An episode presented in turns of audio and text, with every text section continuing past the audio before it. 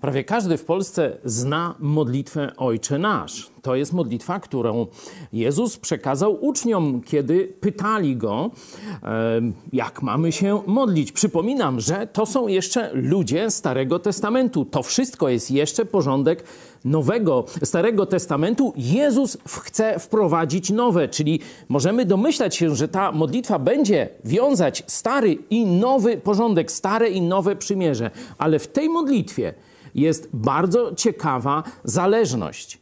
Jezus uczy ich perspektywy daj nam na trzy lata z góry.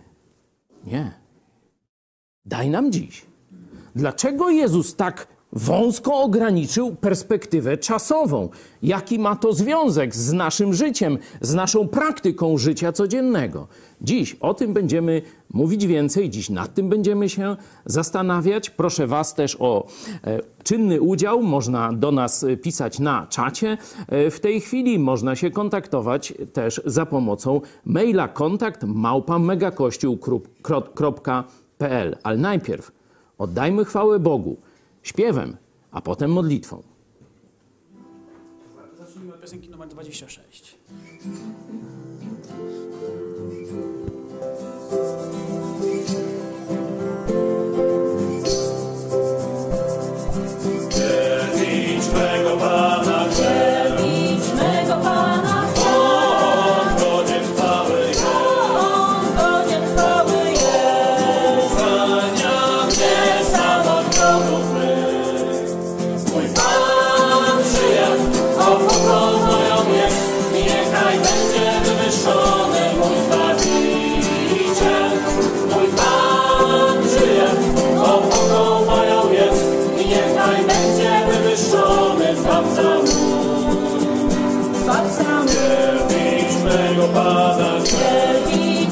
wiecznego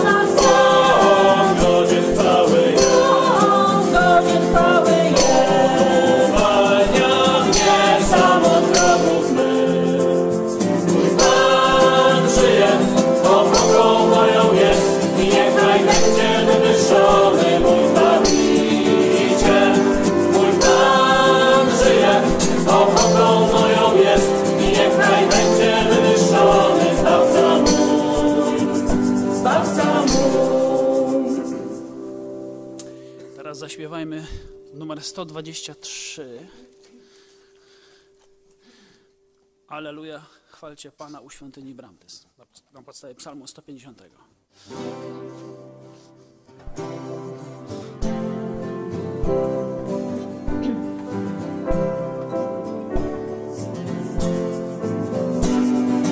Alleluja, chwalcie Pana u świątyni bram. Chwalcie Go na niebiosach pośród gwiazd. Chwalcie Go za wielkie dzieła Jego Go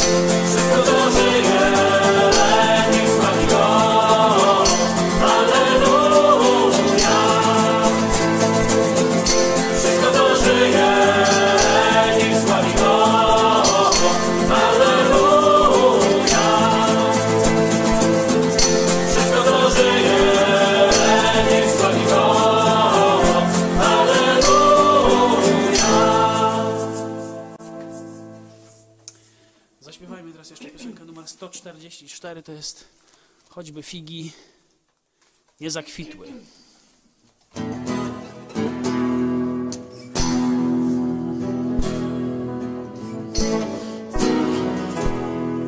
Choćby dni nie zakwitły, a urodzaj winnic wyschli, to niwek owoc zgniłby, krocha cała marny plon.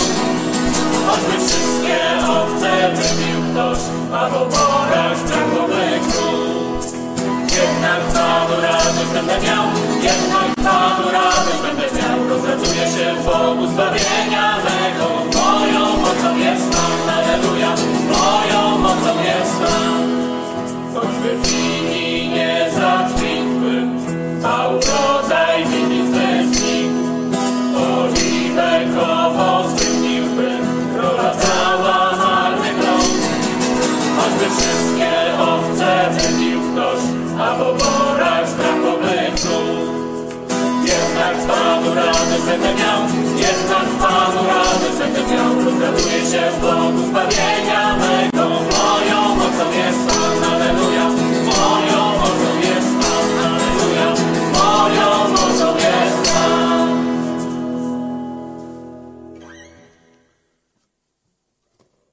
Was o takie gruntowne zapoznanie się z jednym z psalmów. Tu śpiewaliśmy, chwaląc Boga, psalmy.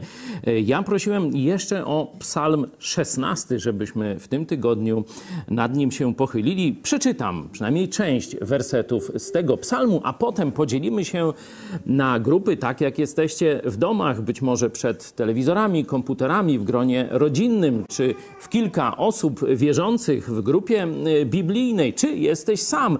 Poświęcimy czas, żeby własnymi słowami oddać chwałę Bogu, żeby Mu dziękować. Zobaczcie, spora część psalmów to wręcz są pieśni pochwalne. To są piosenki pełne, można powiedzieć, takiej dynamiki i pełne radości. Nawet psalmiści opisują instrumenty, które powinny być użytek przy śpiewaniu e, na chwałę Boga. Pojawia się tam harfa, cytra, pojawiają się różne jakieś tam te, te uderzane, tam bębenki i takie różne tam rzeczy. Także pamiętajmy, że oddawanie chwały Bogu to ma wypływać z, na, z naszego rozradowanego serca. Niech Psalm 16 będzie takim wprowadzeniem do modlitwy z wdzięcznego, rozradowanego dla naszego tatusia w niebie, bo o tymśmy mówili. Żydzi modlili się Ojcze Nasz, a chrześcijanie modlą się Mój tatusiu. Warto o tym pamiętać. Psalm 16. Strzeż mię, Boże, bo w Tobie szukam schronienia. Rzekłem do Pana, Tyś Panem moim. Nie ma dla mnie dobra poza Tobą. Do świętych zaś, którzy są na ziemi, to są szlachetni, w nich mam całe upodobanie. Rozmnożą się boleści tych, którzy chodzą za cudzymi bogami. Nie złożę im ofiar z krwi i nie wezwę imion ich wargami swymi. Pan jest działem moim i kielichem moim. Ty strzeżesz losu mojego. Część moja przypadła w miejscach uroczych, także dziedzictwo moje podoba mi się. Błogosławić będę Pana, że dał mi radę. Nawet w nocy poucza mnie serce moje. Mam zawsze Pana przed sobą. Gdy On jest po prawicy mojej, nie zachwieję się. Dlatego weseli się serce moje i raduje się dusza moja. Nawet ciało moje spoczywać będzie bezpiecznie, bo nie zostawisz duszy mojej w otchłani, nie dopuścisz, by Twój pobożny oglądał grób. Dasz mi poznać drogę życia, obfitość radości w obliczu Twoim, rozkosz po prawicy Twojej na wieki. No, kto rzeczywiście tak myśli, niech odpowie Amen. A teraz módlmy się w grupach i za pięć minut wracamy, by dalej śpiewać, a potem odpowiedzieć sobie na to pytanie, dlaczego Jezus chce perspektywy dziś od nas.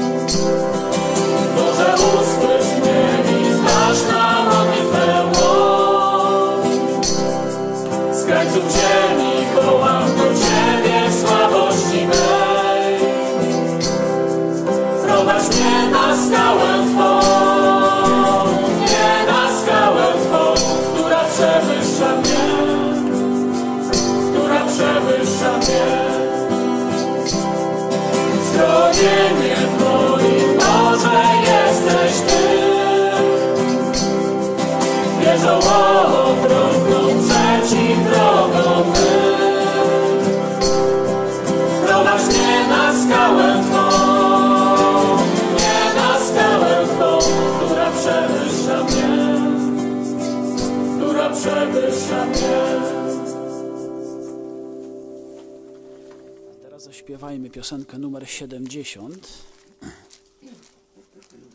Póki mego życia Panu śpiewać chcę.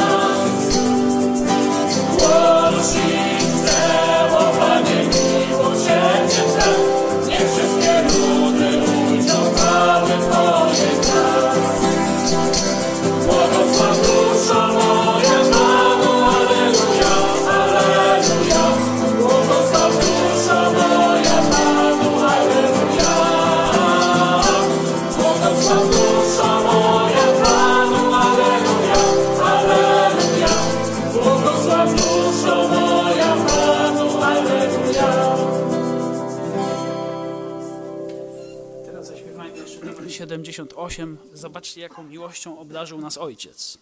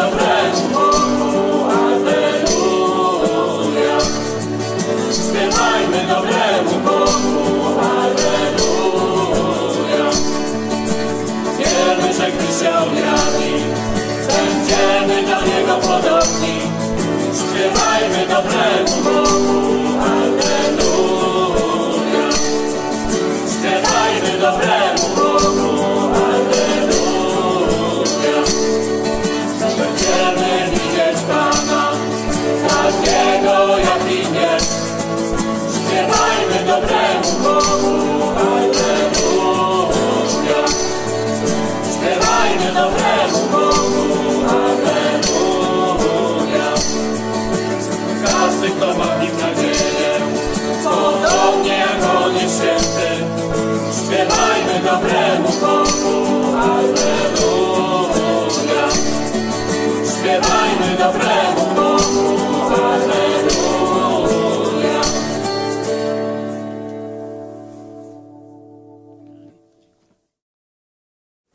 By zająć się właściwie odpowiedzią na to pytanie pochodzące z modlitwy Ojcze Nasz, kiedy Jezus swoim uczniom daje ten wzór, aby modlili się chleba naszego powszedniego, daj nam dzisiaj. Chleba naszego powszedniego daj nam dzisiaj. Nie? Widać, że jest to coś powtarzalnego, nie? To z chleba naszego po, powszedniego, czyli codziennego. Daj nam dzisiaj. Żeby zobaczyć to w kontekście, można powiedzieć, kultury żydowskiej, przenieśmy się do czasu Mojżesza, do czasu wędrówki po pustyni.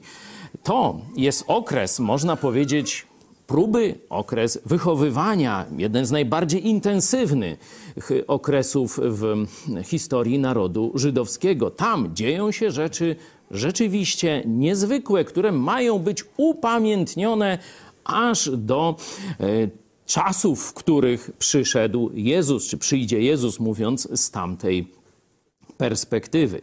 I zobaczmy, co było właśnie z tym chlebem powszednim. Co było z pokarmem Izraelitów na pustyni? Otwórzmy, otwórzmy sobie drugą księ, księgę Mojżesza e, i zobaczmy, e, jak Bóg karmił swój naród na pustyni. No przecież oni byli praktycznie cały czas w drodze, no to nie mogli uprawiać ziemi, e, no bydło jakieś tam mogli ciągnąć ze sobą, ale tego by nie wystarczyło na długo. Zresztą uciekali w popłochu i nie mieli takiego, można powiedzieć, specjalnie dużego inwentarza. Byli niewolnikami w mm, Egipcie. Jak te kilka milionów ludzi wyżywić? Przeczytajmy. Oto co rozkazał Pan. Zbierajcie z niego każdy według tego, ile potrzebuje do jedzenia. Omer na głowę.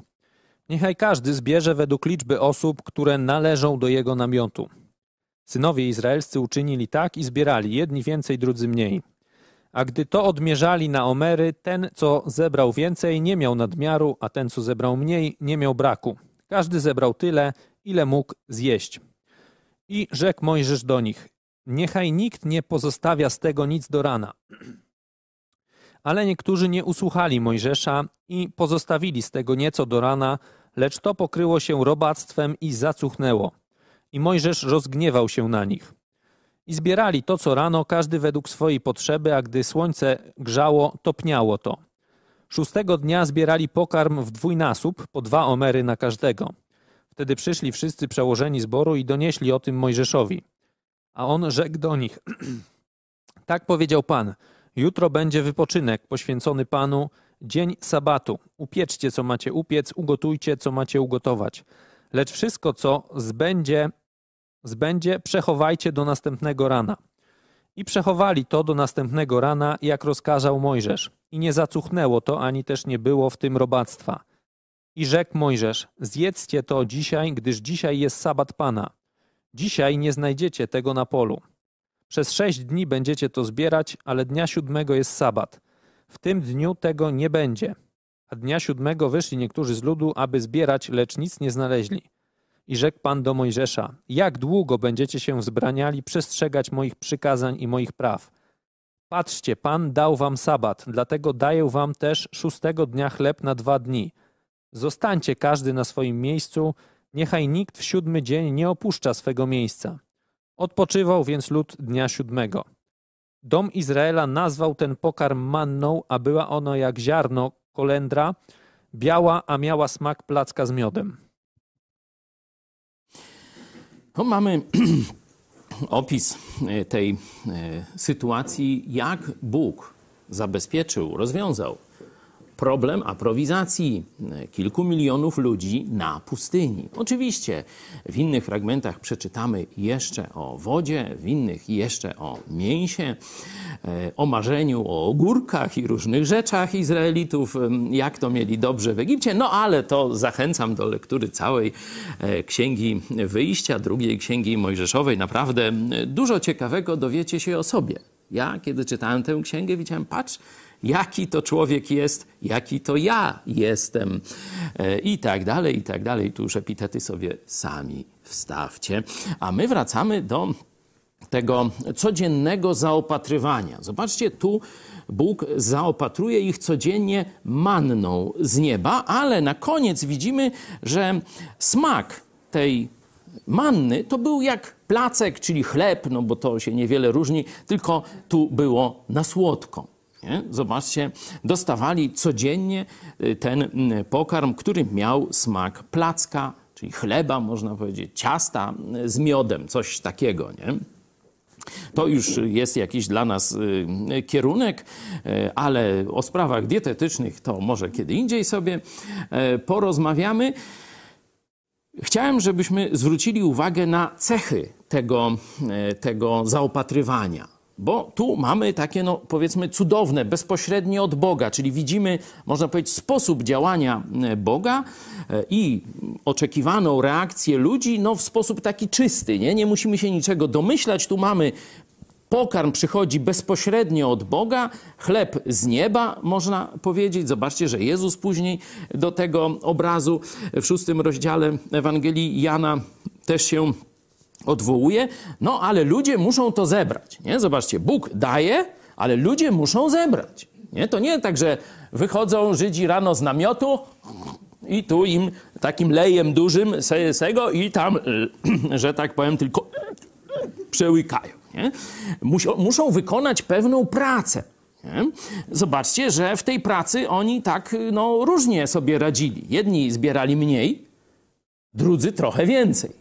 Nie? Czyli jedni byli tacy, e, powiedzmy, Zakładam, że leniwych nie było, nie? Świat doskonały, nie? No ale jedni byli jacyś tam bardziej mm, tacy szybcy, no to tak jak na przykład ktoś pracował kiedyś w polu, nie? To się rusza razem, nie? Każdy ma swój rządek, no i po, że tak powiem, paru godzinach, no to część ludzi to jest daleko do przodu, a część z tyłu. No różne są powody. Lenistwo odkładamy, nie? No ale niektórzy są bardziej drobiazgowi w pracy, nie? No to wtedy wolniej troszeczkę im idzie. Inni idą na harpagany, że tak powiem, do przodu, ale tam troszeczkę, no mniej dokładnie, nie? Zbierają tylko to, co najlepsze. Podobnie jak się zbiera owoce w sadach, czy gdzieś tam w różnych plantacjach malin, porzeczek, no to niektórzy z was mam nadzieję, że to znają. To tak samo mieli i ci Żydzi.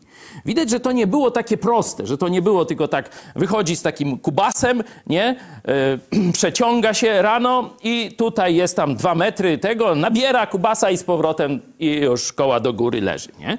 Widać, że jakoś ta manna była, no może w jakichś cienkich warstwach, gdzieś w zagłębieniach, no trzeba było troszkę pracy, żeby to zebrać. To pokazuje nam, że Bóg oczekuje od nas wysiłku, ale zobaczcie, że efekt tego był ciekawy że ci, którzy zebrali trochę za mało, bo może tam za dokładnie, może tam na przykład ci pierwsi pozbierali więcej, no i ci już tam szli trochę oberwane było, nie, jak to w sadach e, wiemy, E, i oni tam, że tak powiem, dokańczali, e, no mieli trochę mniej, ale później przychodzili, przyszło do jedzenia, to wszyscy mieli tyle, ile trzeba. Nie? Że Bóg, pomimo tego, że ta praca ich była nierówna, nie? to Bóg im dawał do sytości, nie? O, komuniści powiedzą, a zobaczcie, tu komunizm jest. Właśnie każdy ma według potrzeb, nie? Tak, dobrze mówię? Bo w, w socjalizmie to jest w, według zasług, nie? A w komunizmie to jest już każdy będzie miał to, co chciał, nie? No tylko, że problem, kto będzie robił, nie? Zawsze w komunizmie jest, jest chętnych, żeby kraść, nie? A później, żeby dostawać. No to tam się trochę znajdzie, ale do roboty to już w komunizmie, no chyba, że ktoś batogiem tam będzie po plecach i tu wracamy do systemu niewolniczego w Egipcie, no to wtedy może być. Tu pamiętamy, że to jest cudowna sytuacja. Nie? Cudowna sytuacja. A nawet w tej cudownej sytuacji jest ten element pracy, żeby ten chleb pojawił się na stole. Ale no, ciekawe też jest właśnie to, że tu zobaczcie, że ta ich jakaś, jakaś większa tam przebiegłość, szybkość i tak dalej nie dodawała więcej, nie? Tylko tam wszyscy mieli, y, mieli mm, dostatek w tym Bożym systemie zaopatrzenia, nie? Czyli widać, że tu Bóg dawał drugi cud, nie? Pierwszy cud, no to spadła ta manna, nie? Oczywiście jest taki, e, taki trend w, w interpretowaniu Biblii, tak zwany naturalizm, nie? że to w ogóle nie było cudu żadnego w tym, nie? I że ta 40 lat codziennie tam, gdzie Żydzi poszli, nie? No bo nie stali w jednym miejscu. Gdzie Żydzi poszli, tam ta manna spadała i to jeszcze tyle, że wszystkim wystarczyło i tak dalej. E, Są tacy, którzy twierdzą, że nie, nie, to żaden cud. To tam takie jakieś chmury latają z manną do dzisiaj. Noż to wystawcie takiego naturalistę mm, z gołym tym i niech se lata po pustyni. Zobaczymy, czy 40 lat wytrzyma. Oczywiście, że tylko by podróżnicy później pod... o zobaczcie kości tego i tu i tak dalej. E, Właśnie tu zmumifikowane albo już tam roz... przez zwierzęta pustynne roz tego. Tak by się ten eksperyment naturalistyczny skończył. Także w takie głupoty nie wierzcie. To był cud, ale zaraz zobaczcie, mamy drugi cud. Nie? Zbierali różnie, a wszystkim starczało. I to nawet, bo w kościele później, no to jest, że oni się dzielili nawzajem. Nie? Później mamy takie e, opisy, czy w dziejach apostolskich, czy w liście do Koryntian. Tutaj nie ma mowy o tym dzieleniu, tylko że Bóg cudownie tak sprawiał, że każdemu starczało. Ale Żydzi, ale to nie jest tylko, że Żydzi. Jakby tam byli Polacy, to by było tak samo źle, albo może jeszcze gorzej. Także proszę tu się nie wywyższać. Zobaczcie, że Żydzi stwierdzili, że oni przechytrzą Boga. Mają plan. Plana mają. Jakiego? A co my będziemy tak łazić po tych polach codziennie? Głupie to jest. My se mądrzej wymyślimy. Tak nam dobrze idzie w zbieraniu, takśmy opracowali technikę, że se na dwa dni nazbierały i jednego się trochę tam pomęczymy więcej, a potem koła do góry. Budzą się rano, syf, kiła i mogiła. Smród w namiocie. Aż to, żeby tylko im śmierdziało. Teraz kto tylko przejdzie ko ich namiotu, to ale cuchnie. Co za zacap tam macie? Onuce jakieś? Szta normalnie od komuchów kupili po drodze? Czy jak? Jakieś machnią było? Co tak capi? A to ich nieposłuszeństwo Bogu capiło. Dzisiaj tego nieposłuszeństwa tak nie zawsze widać i nie zawsze tak capi, choć od czasu do czasu pojedzie i da się to zauważyć, także i w kościele. Ale tu to była, zobaczcie, cudowny, że tak powiem, sposób pokazania tych, którzy byli nieposłuszni Bogu. Bo tam, gdzie właśnie tacy racjonalizatorzy się pojawili, tam zgnilizna, robactwo i zacap się od razu pojawiło. Nie? No i, że tak powiem, tu oburzenie Boga i Mojżesza, no nie będziemy się za bardzo nad tym tego, ale zobaczcie, rozgniewał się, 20 werset czytamy, że Mojżesz się rozgniewał e, na, na nich. No i zobaczcie, że też y, tu w 21 mówimy, na pracę był czas mniej więcej do e, południa i potem to ta manna znikała. Gdy w słońce, gdy słońce e, grzało, to coraz bardziej, nie? Czyli gdzieś tak koło południa pewnie, wtedy najbardziej grzeje, chociaż już wcześniej dość mocno, to znikało. Nie? No, czyli mamy, zobaczcie, już jakiś, jakąś komunikację z modlitwą. Chleba naszego powszedniego daj nam na dwa dni, na dwa miesiące, a najlepiej na całe życie. Taki jeden też się, znaczy może nie modlił, ale se tak pomyślał. Pamiętacie tego głupca? Któremu Bóg dał błogosławieństwo w postaci wielkich zbiorów. No to mówi, no to se teraz nagrabie. Teraz mój czas! Jestem w rządzie! W spółce Skarbu Państwa! Moja kochanka też! Teraz se nagrabimy na całe życie.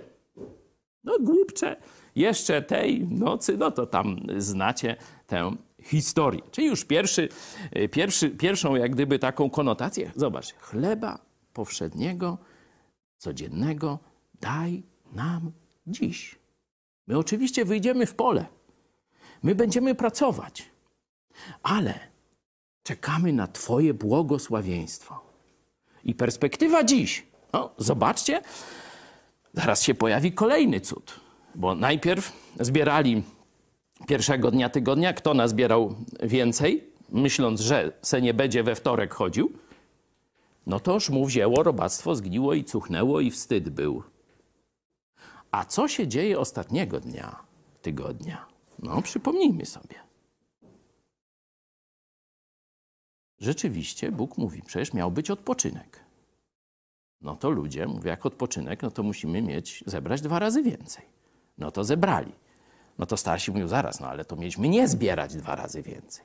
No nie, mieliście nie zbierać dwa razy więcej w dzień powszedni, ale w dzień poprzedzający odpoczynek dobrze, że zbieracie dwa razy więcej. I zobaczcie, teraz mamy kolejny cud. Teraz nie cuchnie. Teraz nie ma robactwa. Teraz nie ma smrodu. Teraz ta manna, która albo znikała koło południa z powodu słońca, albo gniła przez noc, teraz świeżuśka w ten dzień odpoczynku, świeżuśka na nich czeka.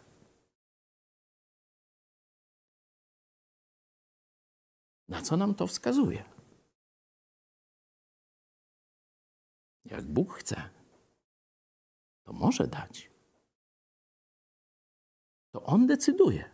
Zobaczcie, nie nasza zapobiegliwość, bo oni tak samo pracowali ciężko, żeby zebrać na dwa dni i raz im zgniło, a raz zostało. Od kogo to zależało? Od lodówki? No tam nie nosili lodówek na plecach. Od czego to zależało? Od Bożego błogosławieństwa, od Bożej woli. Chciałem, żebyśmy to bardzo mocno zapamiętali. Zobaczcie, 27 werset. Co robili niektórzy Żydzi? Ale zapewniam, że Rosjanie, Niemcy, Polacy, Francuzi nawet, chociaż lubią żaby, to też by się tak zachowali w tym momencie. Nazbierali przed tym dniem odpoczynku. Zobaczyli, rano jest jedzenie. Ale co poszli robić? Jest takie powiedzenie, chłop żywemu nie przepuści. A juść. Oni se tak kombinowali. No dobra, no mamy jedzenie. No ale tam pewnie się marnuje. No co z tego, że Bóg powiedział, żeby dzisiaj nie wychodzić? Bóg się nie zna. Noż coż ma się Boże dary mają się pomarnować? Nie pójdziem? Nie zbierzem? Noż tak się na pewno w swoich łbach kombinowali i, na, i nawzajem zachęcali się do grzechu. Bóg im kazał odpocząć, a oni nie. A oni jeszcze więcej, jeszcze grabić, jeszcze kuzyna wsadzić, zmienić nazwisko. A dobra, to ten wątek zostawimy se na koniec. I grabić, i do koryta. No, zobaczcie, że Bóg, 28 werset, bardzo, bardzo ostro powiedział. Jak długo będziecie się wzbraniali przestrzegać moich przykazań i moich praw? Noż to tam pewnie trzęsionka w tym momencie była, kiedy Bóg mówił te słowa. Tłumaczył im cierpliwie. Zobaczcie, to jest droga wychowywania. Nie? 40 lat to się pewnie działo. Być może takich racjonalizatorów się później znowu pojawiało paru i tak dalej. No to ci starsi już wychowani pewnie im tam wytłumaczyli, tam nie wiem jak, no skutecznie, to tyle wiem. Mamy więc opis Starego Testamentu, jak Bóg dawał chleb z nieba, jak Bóg dawał im tę, ma, mannę o smaku placka z miodem przez 40 lat. Każdego dnia. za wyjątkiem co siódmego dnia odpoczynku. No zobaczcie, jak Bóg ich też wychowywał do tego, żeby odpoczywali. Żeby odpoczywali, żeby ten dzień. Nie już, żeby mieć więcej, żeby zapobiegać na przyszłość i wszystkie tam czarne godziny zabezpieczyć, ale żeby odpocząć, poświęcić czas rodzinie i przede wszystkim poświęcić czas Bogu. 40 lat ich tego uczył. No warto, żebyśmy tak nie musieli się tego jakoś tam za bardzo uczyć przez doświadczenie, tylko żebyśmy przyjęli to, co Bóg nakazał. Jak długo będziecie się wzbraniali przestrzegać moich przykazań i moich praw? Czyli, że Bóg patrzy, widzi Twoje czy moje grzechy. W liście do Efezjan, do chrześcijan, jasno jest napisane, że nasze grzechy zasmucają Boga Ducha Świętego. On nas będzie wychowywał, będzie e, dawał nam sygnały, ale pamiętajmy, że On dał zasady, On dał swoje prawa, dał swoją wolę, abyśmy jej przestrzegali. Nie eksperymentowali z nią tak jak Żydzi na pustyni, ale byśmy jako posłuszne dzieci wołali: Tatusiu, dziękuję Ci za to, że powiedziałeś, co mi wolno, a czego mi nie wolno, bo dzięki temu mogę chronić siebie przed głupotą, przed złymi konsekwencjami, ale przede wszystkim mogę radość sprawiać swoim posłuszeństwem. Widać, że tu się Bóg gniewał, wkurzał się na nich. No to możemy z drugiej, w drugą stronę posłuszeństwo nasze, posłuszeństwo Jego dzieci, tak jak każdego rodzica, raduje Boga. Ważne, żebyśmy też mieli tę świadomość. Ale wróćmy do tej kluczowej sprawy codziennie.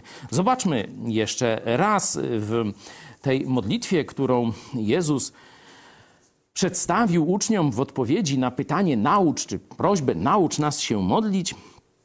Chleba naszego powszedniego daj nam dzisiaj. Wcześniej oczywiście jest tam sekcja, od którejśmy zaczęli. Ojcze nasz, chrześcijanie już mówią mój tatusiu.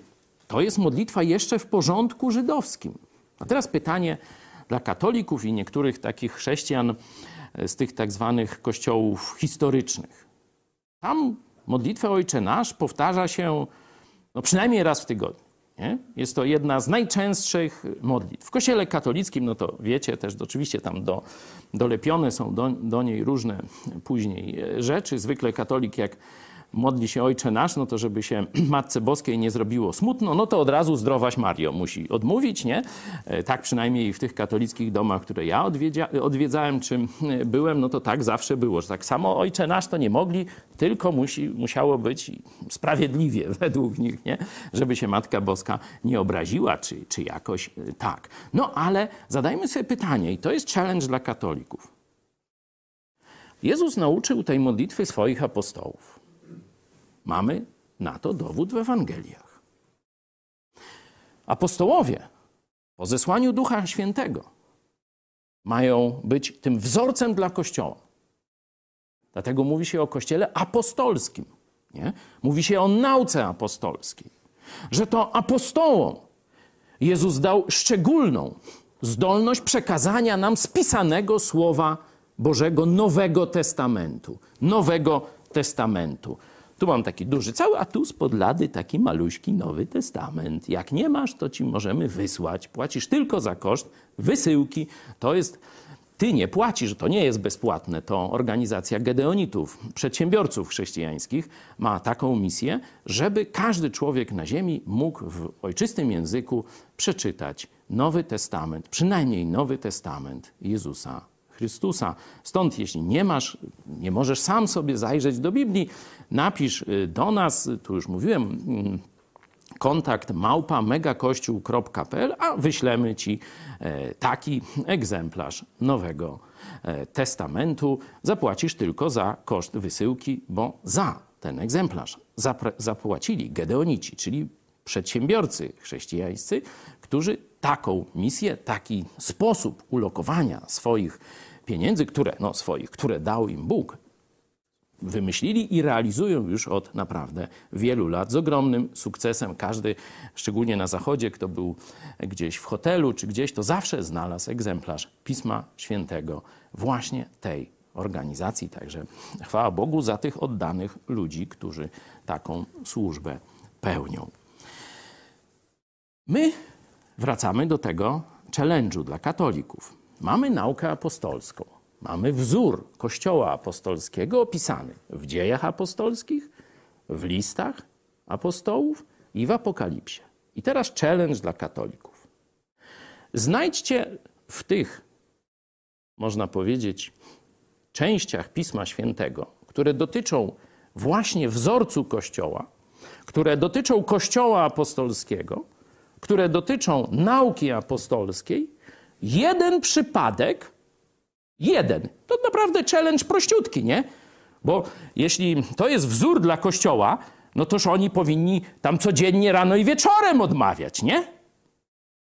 Dlatego ja nie mówię wam, żebyście sto przypadków odmawiania modlitwy Ojcze Nasz znaleźli w dziejach apostolskich, w listach apostolskich lub w objawieniu apostoła Jana. Nie mówię o stu. Nawet nie mówię o dziesięciu. Już zobaczcie, jaki jestem, że tak powiem, liberalny w tym challenge'u. Drodzy katolicy i bracia z różnych kościołów, którzy myślicie, że to jest wzór dla chrześcijan i modlicie się publicznie i, i indywidualnie tę, tą modlitwą. Znajdźcie jeden przypadek, żeby apostołowie lub pierwszy kościół modlił się modlitwą Ojcze Nasz o challenge'u na temat zdrowaś Mario, to, to nie, nie. Ale znajdźcie jeden taki przy... maluśki, o taki tyciuśki, jak mówi profesor Rychwałt. Taki mały dowodzik. no ale to e, taki challenge. Ciekawe, czy ktoś z naszych słuchaczy katolików no, odpowie i wskaże mi. No czekamy, czekamy na wasze e, głosy i zgłoszenia. Nagród nie przewiduję, bo wiem, jaki jest koniec tego e, challenge'u, ale no, starać się można. Ale najważniejsze z tego challenge'u, kiedy już odkryjecie, jaka jest prawda, żebyście sobie zadali pytanie: dlaczego tak jest? A? To jest. I to dopiero się zaczynają schody wtedy. A my wracamy do tej perspektywy, bo choć a nie, to bym challenge spalił. E, mamy tu wzór, e, mamy tu wzór pewnej perspektywy, której Jezus chce nauczyć swoich uczniów. I tego rzeczywiście możemy się uczyć, tej samej perspektywy. Mój tatusiu, nie? Tam jest później sekcja e, o tym święcie imię Twoje, któryś jest w niebie, przyjdź królestwo Twoje i tak dalej. Kiedyś poświęciłem temu całe nauczanie, także można to sobie tam kiedyś odsłuchać, jak będzie taka wola u Was. Ale chciałem dzisiaj na tej tylko czasowej perspektywie wyżywienia chleba, Oczywiście chleba naszego powszedniego, tu myślę, że taka interpretacja już w kierunku zastosowania dotyczy to wszystkich naszych codziennych potrzeb, no bo jak chleba, to i wody. Nie? No bo chleb bez wody to też by. Zresztą mówiłem, że na pustyni różne tam się rzeczy działy. Chodzi o nasze codzienne potrzeby. Zresztą, żeby zobaczyć, że taki jest zamiar Boga, możemy dalej w Ewangelii w Ewangelii Mateusza zobaczyć ten nakaz, by się nie troszczyć. 31 werset. Zaraz, można powiedzieć, po sąsiedzku przeczytajmy ten e, fragment. Oczywiście tam wcześniej jest opis tych lilii, to, to sobie zostawimy. Oczywiście, jak chcecie, przeczytajcie sobie w szerszej wersji. Ja poproszę tylko zakończenie mm, tej przypowieści o tego wzorca tych lilii i tego, jak Bóg się o nie troszczy. Nie troszczcie się więc i nie mówcie, co będziemy jeść, albo co będziemy pić, albo czym się będziemy przyodziewać, bo tego wszystkiego poganie szukają, albowiem Ojciec Wasz Niebieski wie, że tego wszystkiego potrzebujecie. Ale szukajcie najpierw Królestwa Bożego i sprawiedliwości Jego, a wszystko inne będzie Wam dodane. Nie troszczcie się więc o dzień jutrzejszy, gdyż dzień jutrzejszy będzie miał własne troski – Dosyć ma dzień swego utrapienia. Piękny werset, ten 34, nie? Warto sobie go gdzieś wygrawerować, napisać, Wiecie, że są wśród nas tacy, którzy mają większe tendencje w tym kierunku i mniejsze. No, ten przykład Marty i Marii to jasno pokazuje, ale ten przykład pewnie doskonale znacie, nie będę o nim mówił. Widać, że no dwie siostry, czyli bliskie, wychowane tak samo, genetycznie spokrewnione, y, przyja obie przyjaciółki Jezusa. No a zobaczcie, że jedna miała większy problem, druga mniejszy y, problem z tym. Nie? To, to szczególnie dla tych z nas, którzy mają tendencję do brania na swoje barki za dużo. Bo tu mówiliśmy, z jednej strony Bóg daje mannę, ale z drugiej strony człowiek musi ruszyć do pracy. Nie? Czyli część tej odpowiedzialności za swój byt, swój los, człowiek bierze na siebie, ale może z tym przesadzić, może wziąć całość czy większą część na siebie. I wtedy będzie nieszczęśliwy. Wtedy nie będzie miał Bożego pokoju. To jeszcze później e, pokażę w liście do Filipian, czyli w nauce apostolskiej, tę samą myśl. Ale zobaczcie, że to jest wzór, skąd do nas przypływający. To jest czyjś sposób myślenia. Ludzi, którzy nie znają Boga. Bo przecież jeśli to jest mój dobry tatuś, jeśli on dał nakaz, jeśli on dał obietnicę troszczenia się o mnie, to co do mnie należy? Zrobić to, co powiedział, a wreszcie zaufać jemu. Całkowicie zaufać jemu. To jest właśnie ten wzór z manny. Z tych 40 lat na pustyni, zobaczcie, tu już w Nowym Testamencie pokazany w formie już takiego krótkiego przesłania i nakazu. Tam 40 lat Bóg ich tego uczył na pustyni. Tu zobaczcie, Jezus mówi to samo w krótkiej przypowieści. To, że chleba naszego powszedniego rozszerza się, to zobaczcie, co będziemy jeść, co będziemy pić, czym się będziemy przyodziewać, czyli to ogólnie wszystkie nasze troski dnia codziennego. Jeśli pójdziemy za wzorem ludzi, którzy nie znają Boga i będziemy cały czas myśleć o sprawach codziennych, bytowych, przyszłości, bliższej, dalszej i tak dalej, to co się stanie z naszym życiem? Co się stanie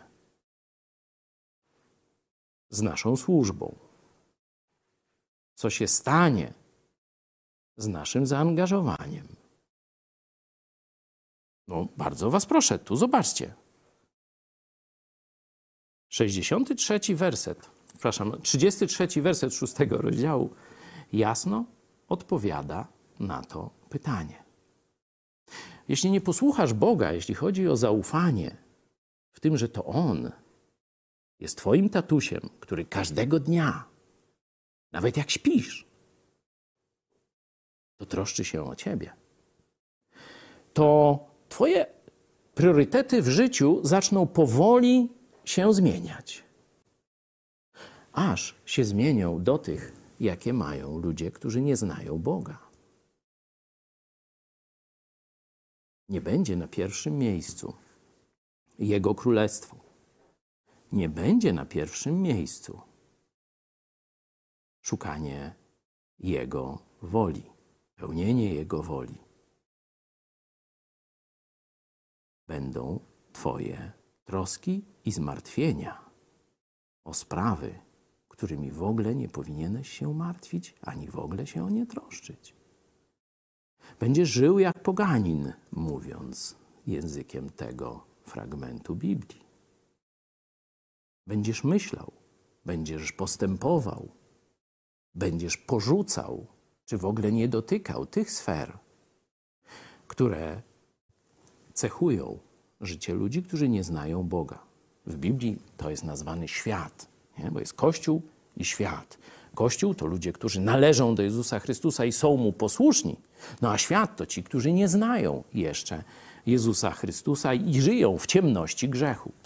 Chrześcijanin, który zaniedba tę prostą, codzienną prawdę. Chleba naszego powszedniego. Daj nam na trzy lata. Nie. Daj nam dziś Daj nam dziś, mój kochany tatusiu. I to nie jest da albo nie da. Zobaczcie, jak o lilię, o trawę. Ojciec się tak troszczy. To o swoich odkupionych, za, które, za których dał syna swego jednorodzonego, aby za mnie, za ciebie, za swój kościół umarł na krzyżu Golgoty? To nie da ci chleba z masłem? Dał Jezusa, żebyś mógł być w niebie, żeby zmyć twoje straszne grzechy. A nie da ci dziś chleba? To chcesz Bogu powiedzieć? Za mały jest, zasnął, za krótką ma rękę, żeby cię nakarmić?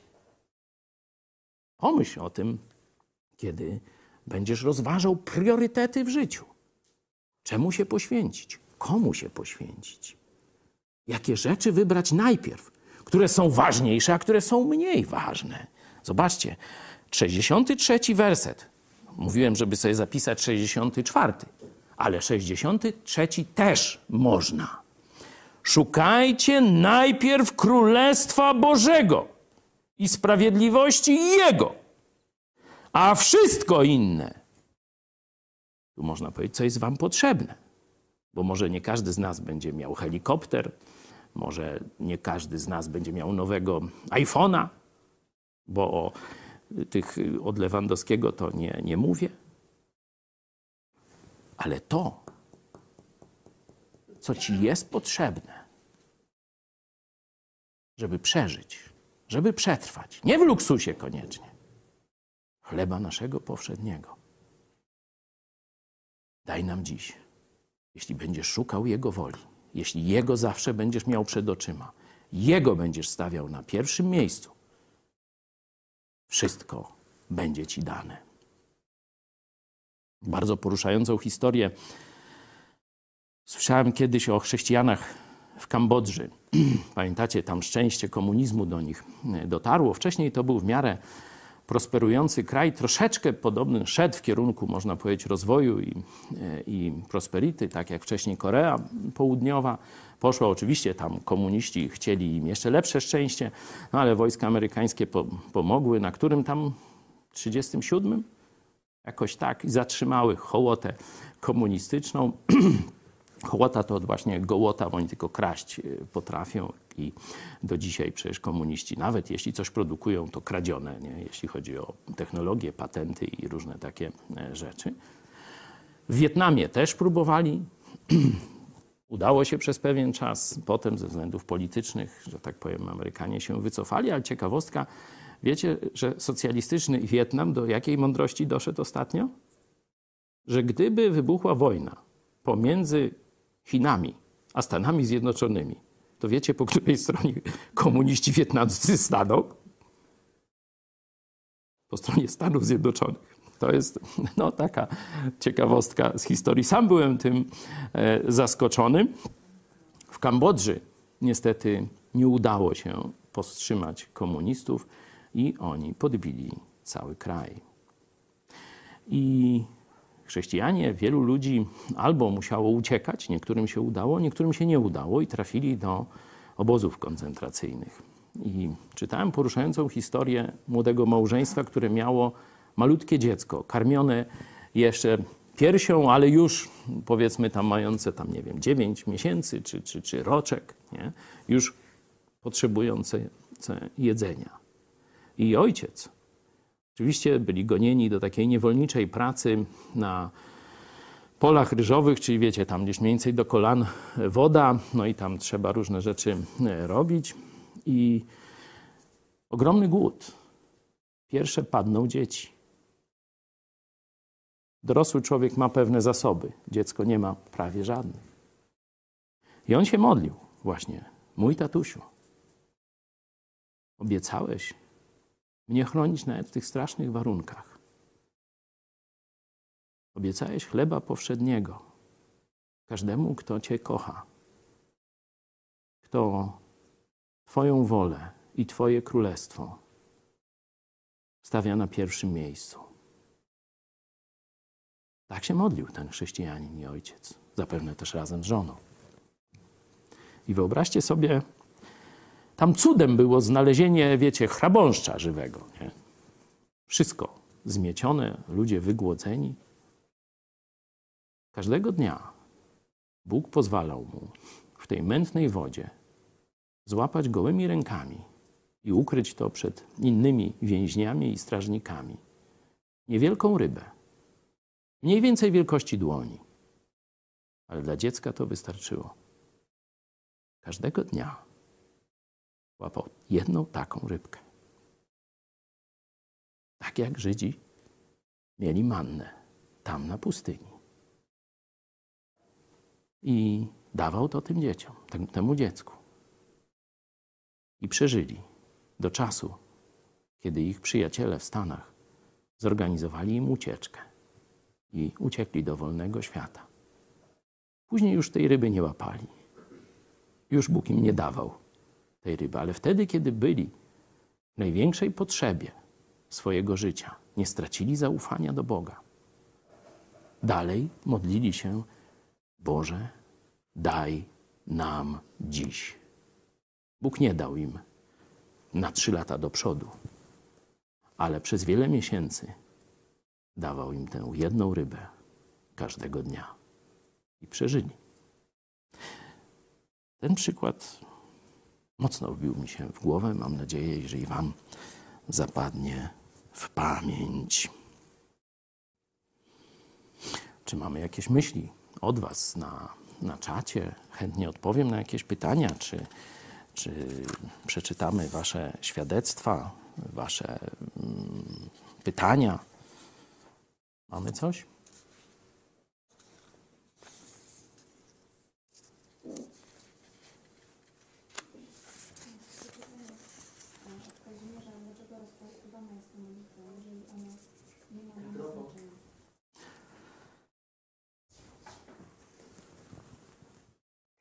Pytanie od Kazimierza.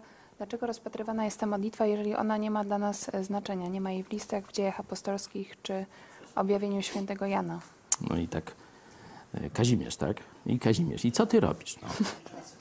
Przecież katolicy mieli się zająć szukaniem. No weź im nie odbieraj tej radości. Ja nie powiedziałem, że ta modlitwa nie ma znaczenia. Pokazałem tylko, że Kościół jej nie używał. A to są dwie różne rzeczy. Tak samo my czytamy Stary Testament, biorąc pewien wzór ze Starego Testamentu, ale ja jutro się nie wybieram szukać manny. Jak chcesz, Kazimierz, to leć. Ale wzór o mannie mam cały czas w głowie. Rozumiecie, że coś jest nie dla nas, bo nie jest z czasu Kościoła, ale jest pokazaniem pewnego sposobu działania Boga, pewnych negatywnych cech człowieka i tak dalej, i tak dalej. To jest rola Starego Testamentu, że tam odnajdujemy pewne przykłady. Ale to, jak mamy żyć, to są nakazy, zakazy i wzorce Nowego Testamentu, a nie Starego.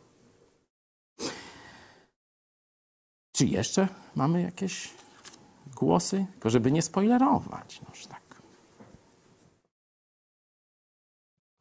Jest pytanie o dalszą część modli- modlitwy Przyjdź Królestwo Twoje. Świetnie, że macie takie pytania. Odesłałem do nauczania, które już y, popełniłem na ten temat. Y, Być może kiedyś do tego wrócimy, ale dzisiaj prosiłem, żeby skupić się na chleba naszego powszedniego. Daj nam dziś. To mamy, to ma, że tak powiem, zrewolucjonizować nasze podejście do codzienności, do życia, do spraw materialnych, do pełnienia woli Bożej. Także prośba, żeby się tego tematu e, trzymać e, dzisiaj. To ja jeszcze raz e, odwołam się do tej myśli końcowej. Nie troszcie się więc o dzień jutrzejszy. Nie troszcie się, to znaczy nie martwcie się. Nie bierzcie na siebie odpowiedzialności za to, co będzie jutro. Gdyż dzień jutrzejszy będzie miał własne troski. Tu Jezus nie obiecuje, że będzie łatwo jutro. Że już tylko dzisiaj te problemy nasze się skończą i już jutro nie będzie żadnych problemów. Nie. Będą problemy dziś, A jutro co będzie?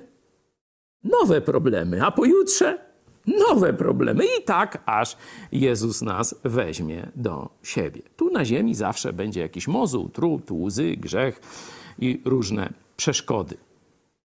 To jest oczywiste, ale zobaczcie, jeśli będziemy się ciągle zamartwiać przyszłymi przeszkodami, trudnościami, brakami, to będzie nam się suma robiła. Czyli taki garb, jak gdyby. Taki plecak coraz pełniejszy różnych cegieł, ciężarów. Pamiętacie w liście do Hebrajczyków ten nakaz? Abyśmy zrzucili ten plecak, który nie pozwala nam biec, czyli pełnić woli Bożej w najlepszym możliwym dla nas przypadku, sposobie. Zrzućcie wszelki grzech, niekiedy pamiętamy. A co tam jeszcze jest? Sprawdźcie w liście do Hebrajczyków. Tak, grzech trzeba odrzucić. On spęta nas. Ale co jeszcze tam jest? Pamiętacie? Ktoś pamięta?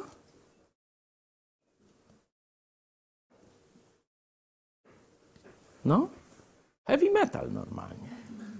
Co tam jeszcze jest? Kawałek szyny, kamień granitowy, ciężar i grzech. No to to właśnie są te troski o przyszłość. I teraz Jezus jasno mówi: Masz myśleć o dziś. Masz się tym, na tym skoncentrować. Oczywiście jest mowa o przyszłości, o planowaniu, zaraz do tego dojdę. To nie jest tak, że chrześcijanin ma być ślepy, głupi i nie myśleć w żaden sposób o przyszłości. Tu chodzi o martwienie się o przyszłość.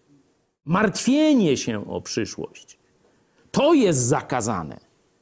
Nie dobre planowanie, to zaraz do tego dojdziemy, tylko martwienie się. Ono jest ciężarem. Niektórzy ludzie, ja słyszałem o takie przypadki, na przykład, że tam powiedzmy przestraszyli się czegoś, no, że na przykład tam umrą na, na co? Dajmy jakieś hasło. Na co? Umrą na raka, nie? I wszystko robili całe życie, żeby tylko nie umrzeć na raka. Brali jakieś takie leki, śmakie, kuracje z tej, z, z, bagna, z bazin, z nie wiadomo co. Jedna to sobie teraz nawet te obcięła piersi, żeby nie mieć to ta Angelina jakaś, nie? I przeróżne rzeczy. A zmarła na grypę, albo wpadła pod samochód, albo na serce i tak dalej. Czyli zobaczcie, wszystko to, co robiła, żeby nie umrzeć na raka, było o kant stołu obić. Nie? Dlatego dość ma dzień swojej biedy. Dość ma dzień swojej biedy. Jutro będzie miało swoją biedę. Nie zamar, nie bierz, nie, nie, nie wyobrażaj sobie tych czarnych scenariuszy. Wiem, o czym mówię, bo ja jestem tutaj dość twórczy. Nie? Nie wymyślaj sobie wszystkich czarnych scenariuszy i nie bój się, co będzie za pięć lat czy za tydzień. Dzisiaj masz problemy, które masz pokonać. Dzisiaj masz wielkie błogosławieństwo Boga. Dzisiaj masz tatusia po swojej stronie. Nie ma problemu. Nie ma problemu. Zobaczmy, jak y, teraz w liście Jakuba jest przedstawione właśnie to złe i dobre planowanie. To jest. Słucham? Czwarty rozdział. Proszę. A teraz wy, którzy mówicie, dziś albo jutro pójdziemy do tego lub owego miasta, zatrzymamy się tam przez jeden rok i będziemy handlowali i ciągnęli zyski. Wy, którzy nie wiecie, co jutro będzie, bo czymże jest życie wasze? Parą jesteście, która ukazuje się na krótko, a potem znika. Zamiast tego winniście mówić: Jeżeli Pan zechce, będziemy żyli i zrobimy to lub owo. Wy natomiast chełpicie się przechwałkami swoimi, wszelka tego rodzaju chełpliwość jest zła. No, zobaczcie ciekawostkę, nie?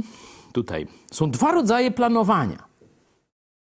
Czyli widać, że Bóg nie potępia pewnej zapobiegliwości, e, myślenia perspektywicznego, co bym chciał zrobić wtedy, wtedy i, i tak dalej.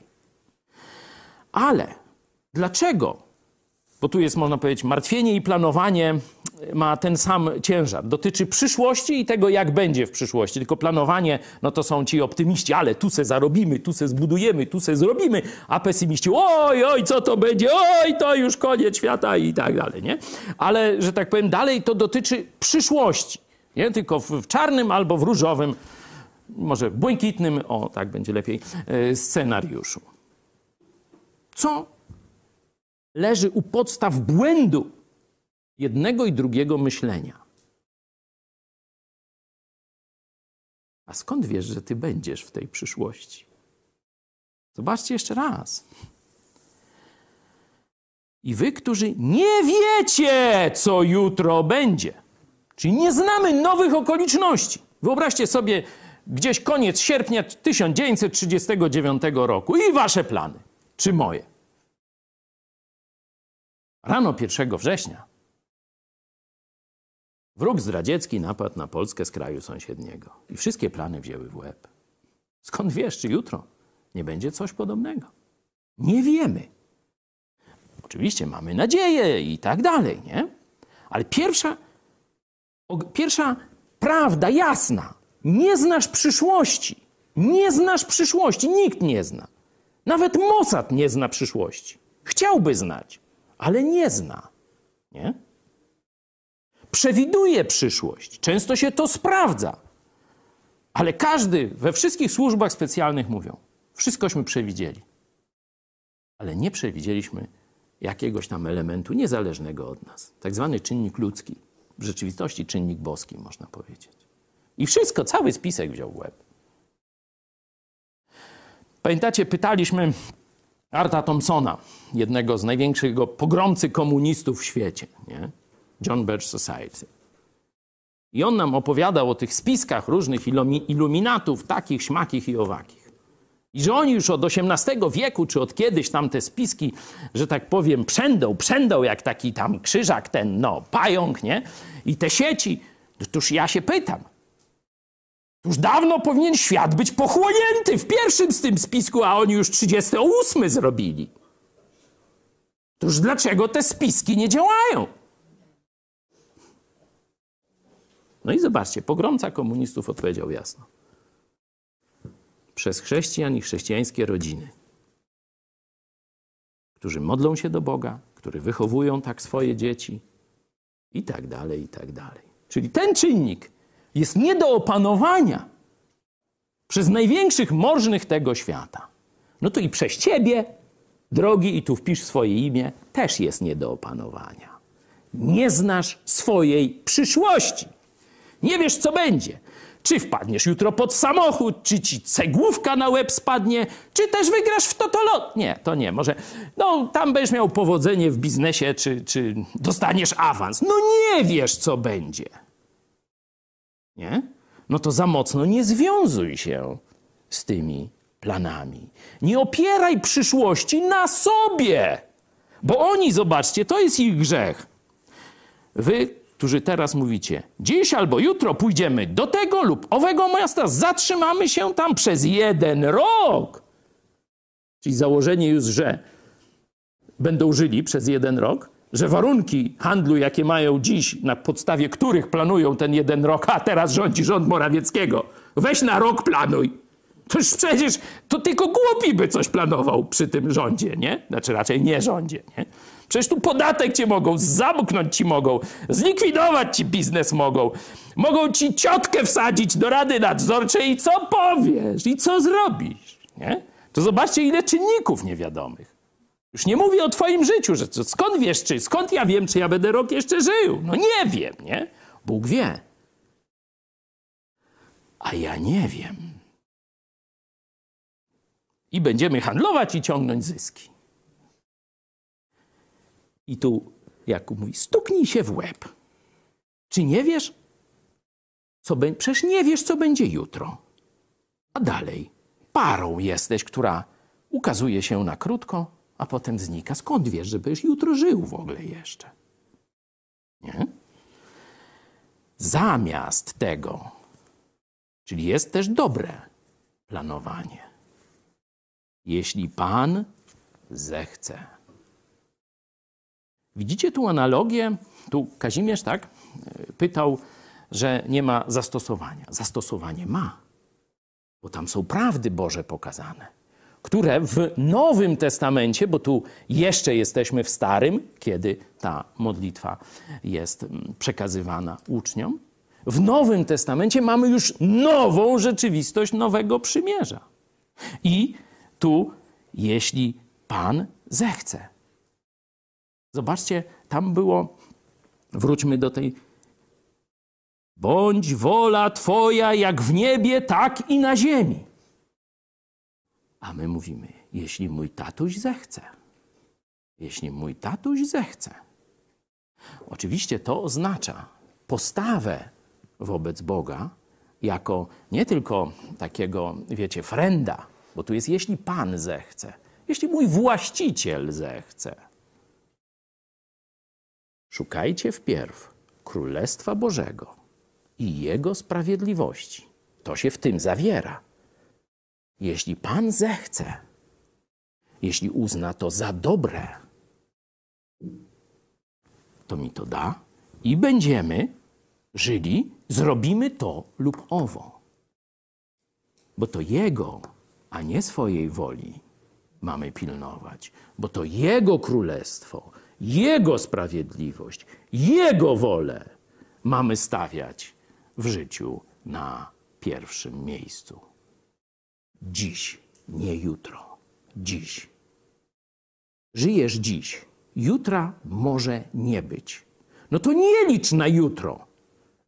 Jeśli masz coś dobrego zrobić, zrób dziś, a nie jutro. To jest lekcja, której Jezus chciał nauczyć swoich uczniów w tym krótkim zdaniu. Chleba naszego powszedniego daj nam dziś. A ty, ja możemy mówić. Chcę, żeby zawsze Twoje było przed moje, żebym realizował Twoją, nie swoją wolę, żebym wpierw szukał Twego królestwa, a nie swego. Resztę zostawiam Twoim ręku. Warto by z taką perspektywą zaczynać każdy dzień, a nie próbować brać na siebie, tak jak tamci nazbierali sobie na pustyni, na zaś. I co mieli? Kupę gnoju i smrodu. Jeśli ty, jeśli ja, jeśli źle ustawimy priorytety na dziś, to będziemy mieli kupę gnoju i smrodu. Tu, w tym zakresie, Bóg jest taki sam. Wy, wy, wychodzisz poza Jego wolę, masz zawsze problem. Realizujesz Jego wolę. Jesteś bezpieczny i możesz się cieszyć. Możesz doświadczać radości, której nie da ci największe konto w banku. Dobra, część hołoty dopcha się do koryta. Myślą, że Pana Boga złapali za nogi. Taki jest idiom. Nachapali się, nakradli. No ale gdzieś to trzeba schować. Jeden zakopał w ogródku. Drugi zaniósł do szwajcarskiego banku. Jak myślisz? Czy teraz mają pokój? Kasy mają tyle, że starczy na ich pra prawnuki. Ale czy mając tę kasę, mają szczęście i tak zwany święty spokój, pokój umysłu? Jest taka piękna scena w obrzydliwym filmie. Nie polecam, ale pewnie wielu z Was widziało. Wesele Smarzowskiego. Obrzydliwy film, żygać mi się chce, jak tylko wspomnę. Ale jest tam człowiek, potentat finansowy i tak dalej. Chyba badylarz, jak to się mówiło w starych komunistycznych czasach. I on ma taką skrytkę właśnie, gdzie se wszystko, co zarobił, a dobrze zarabiał i ciężko pracował, se tam schował. I myślał, że wszystko się da załatwić z tymi pieniędzmi. I co się problem pojawiał? No to on leciał do skrytki, wyciągał kolejne pliki i załatwiał sprawy dla siebie i swoich bliskich. I pewnego razu znowu poleciał do tej skrytki.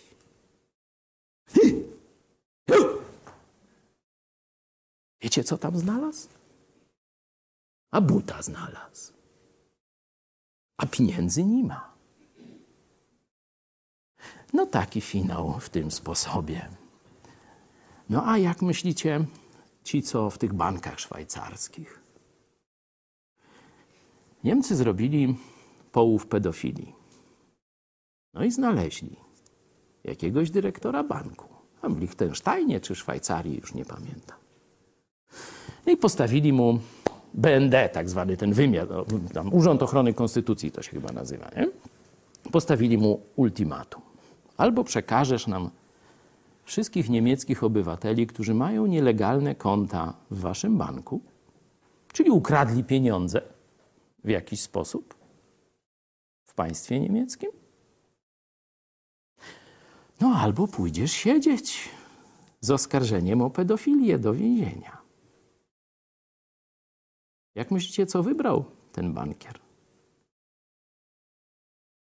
400 milionów euro odzyskał rząd niemiecki. A nasz dyrektor dostał 3 miliony i wolność od oskarżeń. No i wszyscy ci niemiaszkowie, którzy myśleli, że ich pradziad... prawnuki są zabezpieczone w tych kontach Szwajcarii. Słucham? W Liechtensteinie niech będzie. No, Szwajcaria, wiecie, jest symbolem bezpiecznego, bezpiecznego e, że tak powiem, no, pieniędzy przesyłania czy tam deponowania.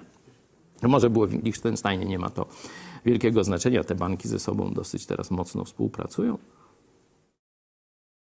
Wszyscy, którzy liczyli, że do trzeciego pokolenia są zabezpieczeni, to musieli oddać. Pewnie jeszcze mieli sprawy sądowe, pewnie stracili źródło tych kradzionych pieniędzy i tak dalej, i tak dalej. Czyli zobaczcie, czy prosty, że tak powiem, badylarz z Pcimia w filmie Smarzowskiego, czy wielki pan z Bundes nie wiadomo czego, wszyscy skończyli w tym samym ręku, i, przepraszam, z tą samą ręką w tym samym nocniku. Nie? Dlatego, jeśli uczynisz swoje posiada, to, co posiadasz na przyszłość, punktem swojego odniesienia, to nie będziesz miał spokojnej głowy.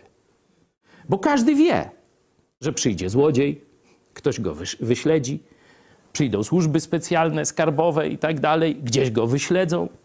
Czyli on ma, on rzeczywiście z tego korzysta, ale on nie jest pewien dnia ani godziny. A na koniec otwórzmy sobie list do Filipian i zobaczmy przepis na inny sposób życia. Czwarty rozdział. Radujcie się w Panu zawsze. Powtarzam, radujcie się. Skromność wasza niech będzie znana wszystkim ludziom. Pan jest blisko. Nie troszcie się o nic, ale we wszystkim, w modlitwie i w błaganiach. Uwaga, zobaczcie. Z dziękczynieniem. Z dziękczynieniem. To do dobrego tatusia, nie do wielkiego manitu, który nie wiadomo, czy macie w poważaniu, czy akurat się obudził i patrzy na ciebie i słyszy. To mówisz do swojego tatusia, który dał za ciebie swego syna jednorodzonego we wszystkich modlitwach i błaganiach z dziękczynieniem powierzcie prośby wasze Bogu. No i teraz to, co jest niedościgłe dla wszystkich złodziei, bandytów i różnych innych tam komucho, socjalistów, katokomuny i tak dalej. A pokój Boży, który przewyższa wszelki rozum.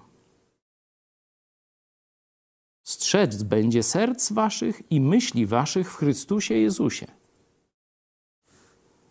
Ten siódmy werset też sobie gdzieś wygrawerujcie, napiszcie na kartce, żeby często na niego spoglądać. Zobaczcie. A pokój Boży, który przewyższa wszelki rozum, strzec będzie serc waszych. Jest to cudowne działanie. Ty robisz to, że przerzucasz na Boga wszystkie swoje troski i problemy. Oczywiście musisz być w relacji dziecko, tatuś. To tylko wtedy się staje, kiedy zawołasz do Jezusa Chrystusa po zbawienie. Dopóki nie zawołasz do Jezusa Chrystusa, jesteś na zewnątrz, jesteś obcy. Jesteś oddzielony swoim grzechem i zmierzasz do piekła. Kiedy zawołasz do Jezusa Chrystusa, stajesz się dzieckiem Boga. Możesz na Niego mówić tatusiu. I możesz każdy dzień swojego życia, każdy problem swojego życia, każdą troskę swojego życia, każdy strach, który cię ogarnia, możesz przerzucać na Niego. Z dziękczynieniem, mając pewność, że On rozwiąże. Nie wiemy, jak Bóg rozwiąże nasze problemy. Niekiedy cudownie, a niekiedy całkiem prozaicznie. Ale rozwiąże. Tego się trzymamy. To jest dla nas właśnie największa radość, że mój tatuś nie pozwoli mnie skrzywdzić. Mój tatuś się troszczy o mnie jako źrenicę swojego oka. I zobaczcie, co się wtedy, tu się, tak jak widzieliśmy te cuda na pustyni, tu zobaczcie, mamy cud. Bo to nie rozum da nam ten, ten pokój. To nie sama świadomość umysłowa, czyli wiedza o tym. Wiecie, że to Bóg dał obietnicę i tak dalej. To trzeba, ale to nie wystarczy. Tu się dokonuje cud. To Bóg daje ten pokój. To jest Jego pokój, nie wytwór mojego umysłu. Nie nadęcie moich mięśni, ciała zdrowego czy chorego. To jest Jego pokój, który przewyższa wszystko, co ja sobie mogę wymyśleć i tak dalej. Strzec będzie serc i myśli waszych w Chrystusie Jezusie. Ósmy i dziewiąty werset to wspaniałe zastosowania. Też do nich zachęcam, ale żebyście nie zapomnieli tej praktyki otwierania Biblii, to już zostawiam Wam do dalszej lektury. Czy możemy poprosić grupę muzyczną na koniec i jeszcze zaśpiewać? A ja tym z Was, którzy nas wspierają, powiem, że na dzisiaj szacunkowy stan dochodzimy do 600 gitar. Jeszcze brakuje kilkunastu. Cel na marzec, tak jak na każdy miesiąc, już trzeci rok, to jest tysiąc gitar nam gra. Kto widzi sens w funkcjonowaniu naszej telewizji i projektu Mega Kościół, niech się dołączy. A teraz, na koniec, z radością zaśpiewajmy naszemu tatusiowi. Piosenkę numer 73, Szukajcie wpierw Królestwa Bożego.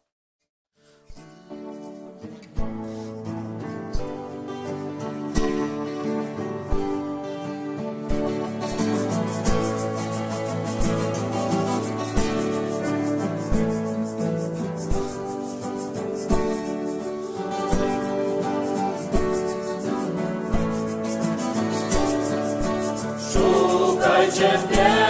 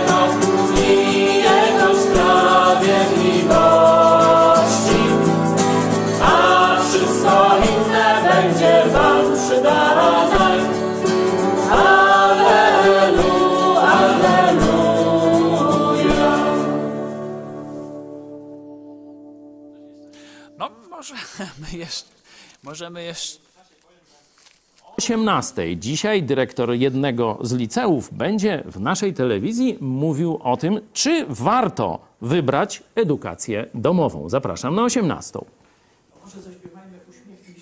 O, 54.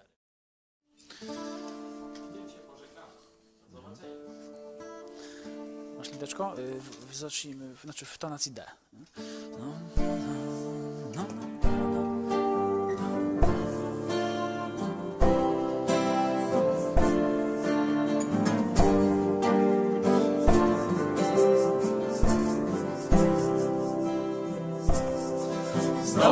Widzę przygnębioną twarz, znowu widzę zasmucone oczy, zagubiony wśród codziennych spraw. Z tysiącem problemów znowu walkę toczysz. Uśmiechnij się, gdyż ojciec patrzy z nieba i wie, wie czego ci potrzeba i chce, byś ty zaufał sercem mu.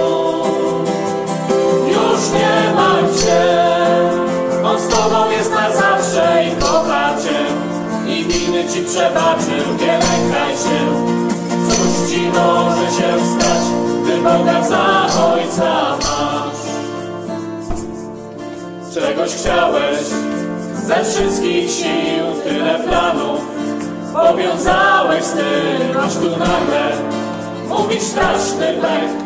Wszystko inaczej potoczyło się.